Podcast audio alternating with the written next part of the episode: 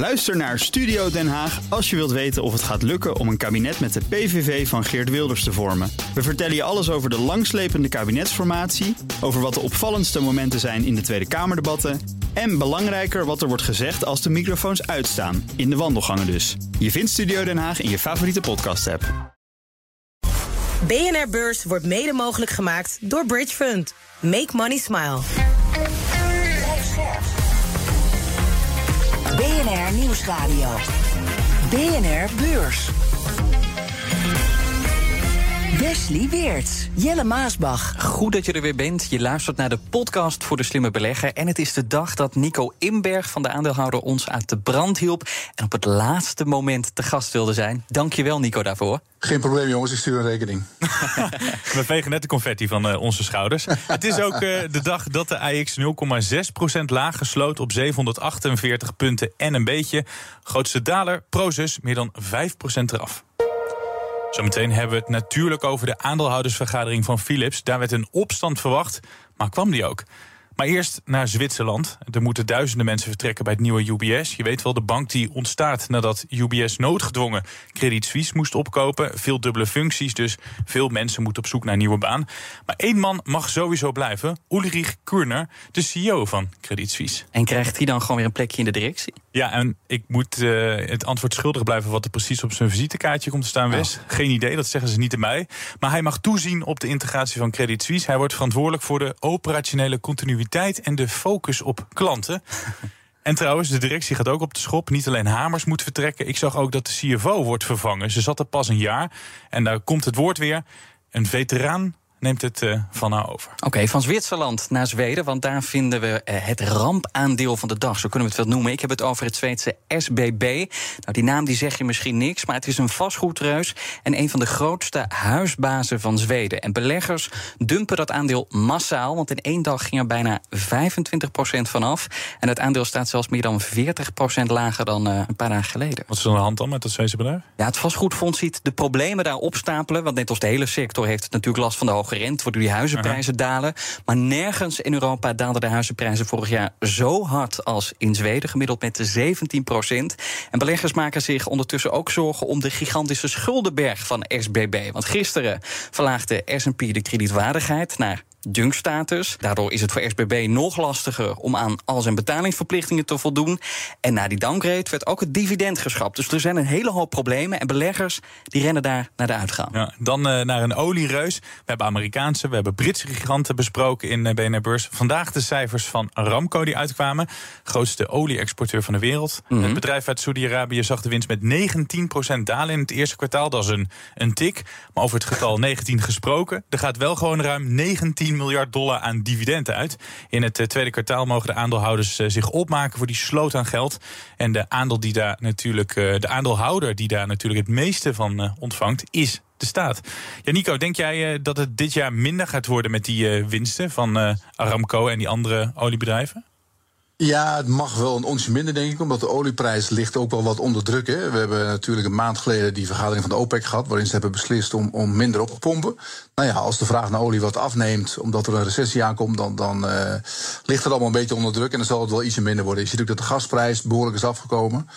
Dus het mooiste is daar wel geweest, denk ik. Ik las nog een super interessant artikel bij de collega's van het FD. En het gaat om een onmisbaar stofje in tal van producten die we elke dag gebruiken: Arabische gom. Nooit van gehoord. Ik wist het ook niet, maar het zit onder meer in Coca-Cola, Pepsi. En het ja. wordt ook als bindmiddel gebruikt in MM's en kauwgom, cake, ontbijtgranen.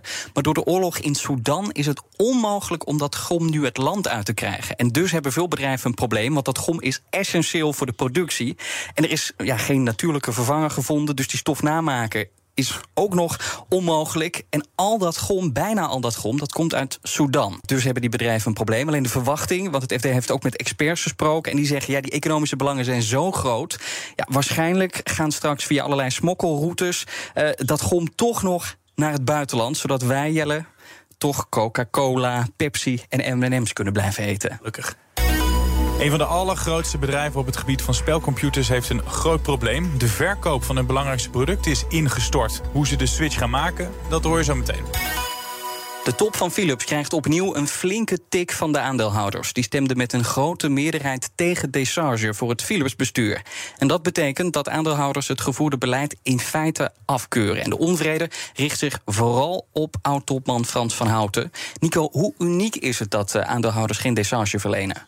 Ja, gebeurt niet heel vaak. Eh, er zijn wel een paar voorbeelden uit het verleden. Bij, bij Ahold bijvoorbeeld is het gebeurd met de boekhoudfraude. Dat was in 2002 geloof ik, 2003 zoiets.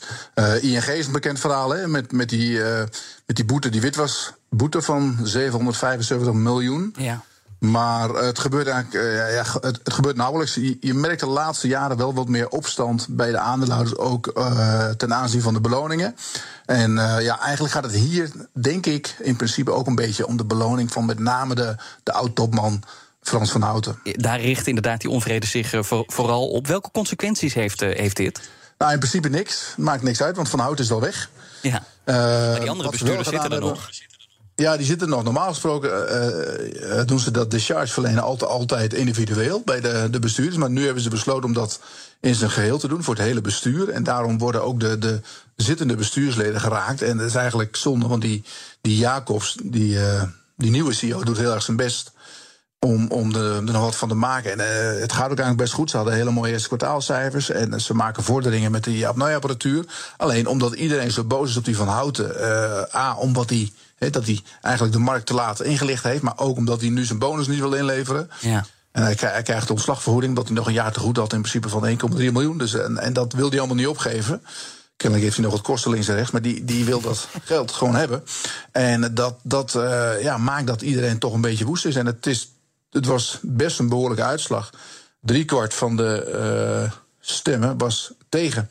Maar die bonus die hij dus wel wil pakken en die ontslagvergoeding, daar, kunnen de aandeelhouders, zeg je dus niet tegen in opstand komen. Dat gaat gewoon dan door. Nou, nee, dat, ja, daar heeft hij gewoon recht op. Dat zijn, dat zijn contractuele afspraken. Die man heeft, uh, ik geloof, voor vijf jaar getekend. En uh, ja, die, die, die wordt dan uh, ontslagen, zeg maar. Maar hij had nog een, een, contract voor drie maanden en een jaar. Daar krijgt hij die, die ontslagvergoeding voor. En hij heeft ook al recht op allerlei. Ik, ik heb net even zitten grasduinen in het jaarverslag van Philips. Nou, hij krijgt nog heel veel geld, ook uh, pensioenlasten en noem maar op allemaal. Mhm. Mm -hmm. Dus hij krijgt nog best veel geld. En dat, dat wil hij gewoon hebben. Hij, hij zegt van ja, ik heb daar gewoon recht op. En eerlijk is eerlijk, dat heeft hij ook. Ja, Nico, jij noemde net ook al de naam van de huidige CEO, Roy Jacobs. In hoeverre is dit ook een tik op de vingers van hem of bij hem? Ja, god, hij kan er, nee, het is natuurlijk vervelend voor hem, maar hij kan er zelf niet zoveel aan doen. Hij weet wel dat dit natuurlijk uh, is, is gekomen omdat dat uh, onder het bewind van Van Houden. Maar ik moet eerlijk zeggen, hij zat daar zelf ook bij. Hij was zelfs de baas van Noord-Amerika, dus hij, hij, zat, hij, hij wist ook van de hoed en de rand. Alleen was niet eindverantwoordelijk, dat was Van Houten. En Van Houten heeft natuurlijk uh, destijds beslist om er nog even onder de pet te houden, om nog even te wachten met het informeren van de markt te kijken hoe alles zich ontwikkelde. En uh, ja, uiteindelijk was het niet te houden. Maar voor hem is het wel, ja, het is wel vervelend, maar het, het, het raakt hem niet persoonlijk, zou ik maar zeggen. Ik heb een uh, deel van die aandeelhoudersvergadering uh, gevolgd, Nico.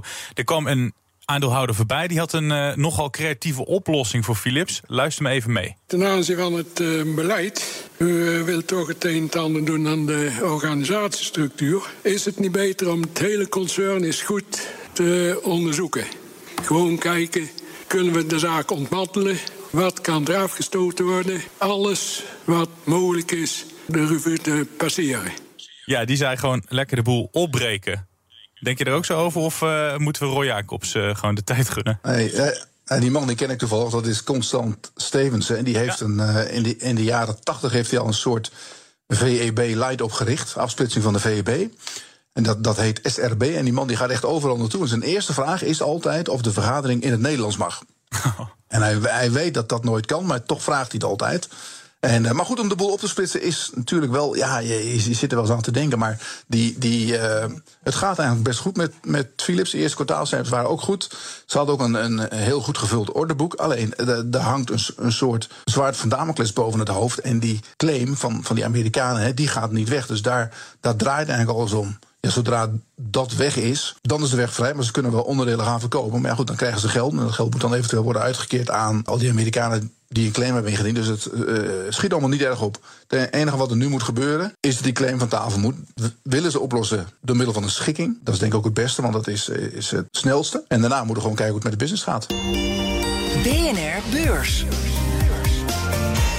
Naar de vrienden in Amerika. De Dow Jones staat twee tiende van een procent lager. De S&P 500 verliest 0,4 procent. De Nasdaq 0,6 procent. Ik wil PayPal er even uitlichten, uh, Wes. Die koers gaat 12% naar beneden. Reden betaalbedrijven verwacht minder omzet en winst te behalen dit jaar. Nou, dat is nogal een, eh, een afstraffing. Nou, dan heb ik een aandeel dat het een stuk beter doet. Dat is Palantir Technologies. Dat is een databedrijf, werkt onder meer voor overheden, houdt zich bezig met big data en heeft klanten, en dat zijn niet de minste, als Amerikaanse Defensie, Europol, maar ook multinationals. Het bedrijf is dus sinds een paar jaar beursgenoteerd, maar verwacht dit jaar voor het eerst winstgevend te zijn. En daarom schiet het aandeel werkelijk waar omhoog. 23 procent hoog. En dan nog even kort Boeing, want dat krijgt een mega-order over grote getallen gesproken. Ryanair heeft er even 150 vliegtuigen besteld en hierna waarschijnlijk nog eens 150. Dat zou een waarde hebben van meer dan 40 miljard dollar. Ja, en je raadt het al, ook dat aandeel staat hoger. Niet zo extreem als dat andere, 0,8 procent in de plus. BNR Beurs. Dan naar gamebedrijven. Want welke moet je als belegger nu hebben en welke niet? We vroegen het ons af bij BNR Beurs na het zien van de cijfers van Nintendo. Dat liet beleggers schrikken met de kwartaalcijfers. Zowel de inkomsten als de winst liep terug. En dat komt omdat hun vlaggenschip, de Switch, veel minder verkoopt. De verkoop nam namelijk met ruim 20% af. Die Switch bestaat al zeven jaar lang en volgens tech-collega Stijn Gozens mogen ze die wel eens afstoffen. Analisten verwachten de komende 12 maanden geen nieuwe versie van de Switch. En eerlijk gezegd denk ik ook dat daar wel een beetje het probleem zit. Want die Switch is de afgelopen zeven jaar amper geüpdate. Er is wel een OLED-versie gekomen en een Switch Lite. Maar niet echt een nieuwe generatie die misschien dan weer een nieuw publiek zou trekken. Nico, Nintendo zegt uh, die dalende verkopen komen onder meer door tekort aan onderdelen. Of is die Switch gewoon niet populair meer? Nee, die Switch die klopt niet. Die, uh, ik zou zeggen, die Switch moet om. Want, uh, Hier heb je lang op gezeten. Nee, nee, nee, die bedenk ik echt ter plekke nu. Die schud ik zo uit mijn mouw. nee, maar kijk, ik, ik zat even te kijken naar de cijfers van bijvoorbeeld PlayStation. En die gaan echt hartstikke goed. Ja. Uh, ja, de Xbox, er zijn geen cijfers van hoeveel, die, hoeveel er daarvan verkocht worden. Maar, maar die, die PlayStation, die nieuwste, die gaat heel erg goed. En wat die jongen net zei, dat uh, klopt inderdaad. Ze moeten gewoon een, dat, dat ding een keer aanpassen en met een upgrade komen. Met, met uh, volgens mij, ik weet niet hoeveelste, maar dat, dat wordt nu geloof ik over anderhalf jaar willen ze dat nu doen. En uh, het lijkt erop dat daar iedereen een beetje op wacht. Maar je ziet natuurlijk ook wel een beetje dat, dat die switch is, is het misschien net niet helemaal. Hè? Mm -hmm. Omdat veel jongeren die willen toch, toch graag of een Xbox of een PlayStation. In Japan hebben ze wel allemaal die, die Nintendo, maar in de rest, rest van de wereld is het voor hun een stuk lastiger. Zij zeggen zelfs die tekorten die houden aan tot de zomer. Maar kan je er dan ook gelijk van uitgaan dat de komende kwartalen ook beroerd worden? Dus een soort van verkapte omzetwaarschuwing van? Ja, dat denk ik wel. Ze hebben nu een prognose gedaan van de, dat ze de 15 miljoen gaan verkopen het komende jaar. Het was 18 miljoen afgelopen jaar, dus een daling van uh, ja, bijna 20 procent, 18 procent.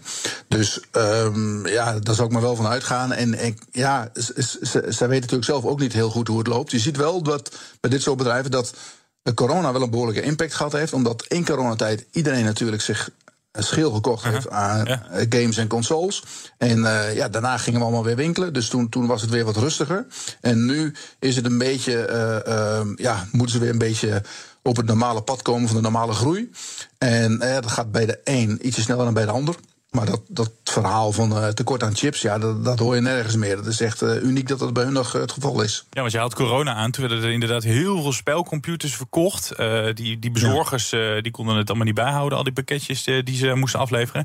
Dat het nu bij Nintendo minder loopt, is dat een voorbode voor de concurrentie, denk jij? Nou, niet zozeer voor de concurrentie. Ik denk, ik denk dat, dat het uh, ja, misschien eerder andersom is. Dat het met de concurrentie juist heel goed gaat. Als je ziet wie de, de grote spelers zijn, dan heb je het toch over de Xbox en, en uh, PlayStation. Sony doet het heel goed met de PlayStation. Die, die, die worden echt heel veel verkocht.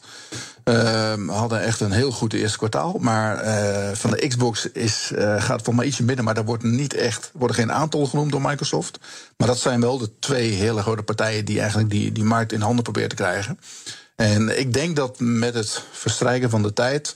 partijen als Nintendo het steeds moeilijker krijgt om, om uh, bij te blijven. Maar zijn wat jou betreft Microsoft en Sony dan ook de twee interessantste gamebedrijven? Nou ja, wel als je het over consoles hebt. Maar er zijn natuurlijk wel, wel uh, andere leuke aandelen. Waar bijvoorbeeld, wat bijvoorbeeld heel erg leuk is, is nu Activision Blizzard.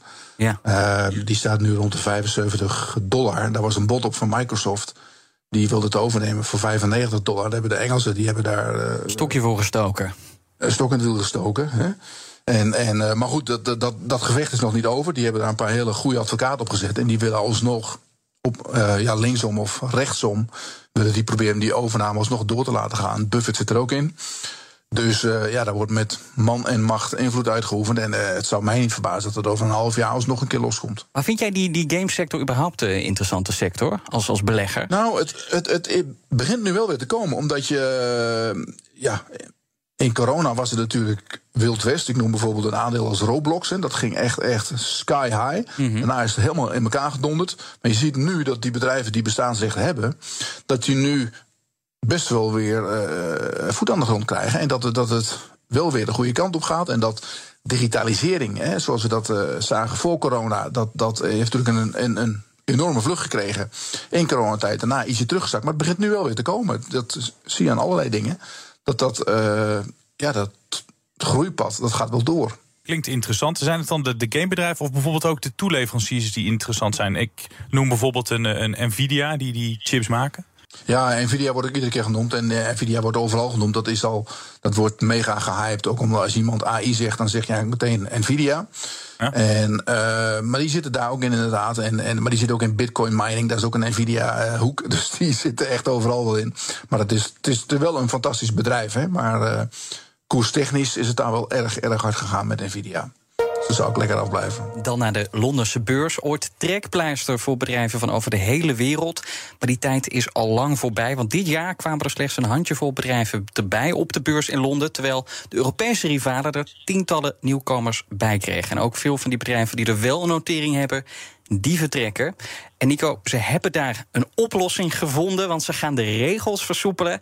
Maar is dat het antwoord op alles? Uh, niet helemaal. Ik denk wel, het zal wel iets helpen. Want het, uh, ja, er zijn daar bepaalde, bepaalde regels die zijn gewoon hartstikke, streng. Dan denk ik echt van een paar regels zijn niet van deze tijd. Maar ze hebben natuurlijk heel erg last gehad van de brexit. Dat is het echte verhaal.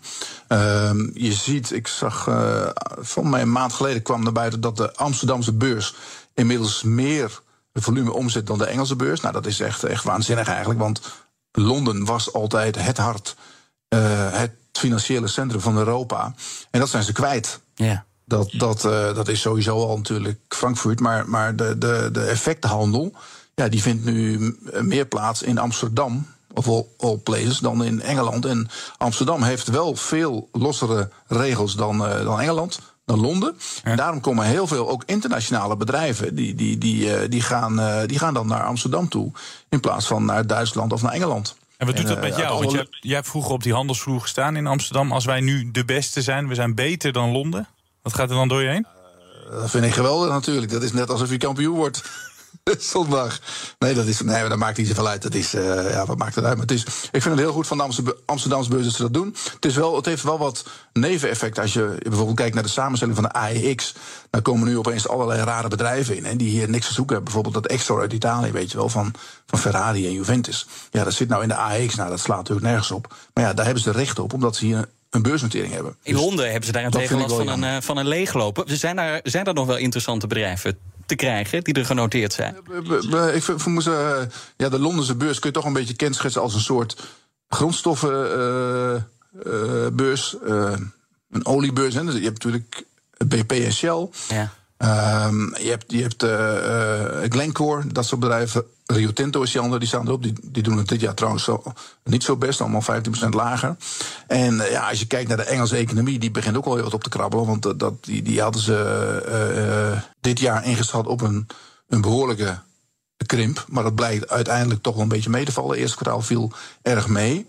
En dus die, als je kijkt naar het niveau van de Britse beurs, die staan iets onder een all-time high. Dus het valt eigenlijk nog wel een beetje mee. Dus het is wel een beetje meegevallen allemaal. Nog even kort, Nico. Ze trekken dus weinig nieuwe bedrijven aan. Wat betekent het als dat zo doorgaat? Dat ze steeds minder goede namen weten aan te trekken? Nou ja, Engeland was altijd het financiële hart. Maar je ziet nu dat, dat toch uh, Amsterdam dat voor een deel heeft overgenomen. Natuurlijk zitten in de city in Londen wel de, de, de grote banken nog steeds. Hè, die uh, uh, altijd de boel verdeelden in Europa. Dus dat houden ze nog wel. Maar je ziet dat voor de aandelenhandel... dat toch heel veel bedrijven heel graag naar Amerika willen. En als ze in Europa een plekje zoeken... dan komen ze in Amsterdam terecht. Dat is goed voor Nederland. Dit was de dag van vandaag. Laten we naar die van morgen gaan kijken.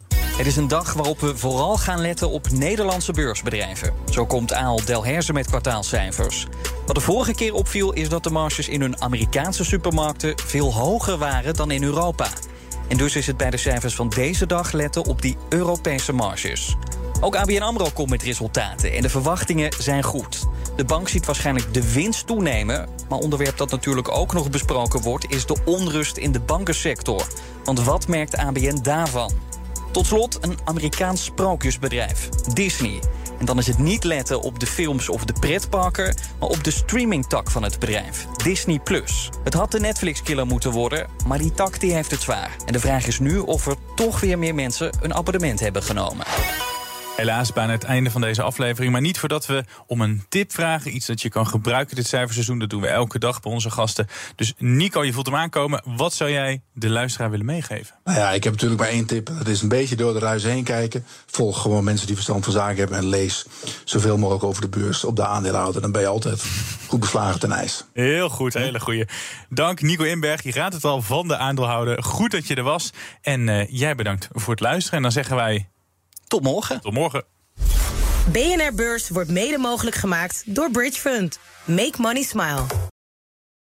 Ook Hugo Reitsma vind je in de BNR-app. Superhandig die BNR-app. Je kunt alle programma's live luisteren, breaking nieuwsmeldingen. Je blijft op de hoogte van het laatste zakelijke nieuws. En je vindt er alle BNR-podcasts, waaronder natuurlijk de belangrijkste, Boeken zijn in de wijk.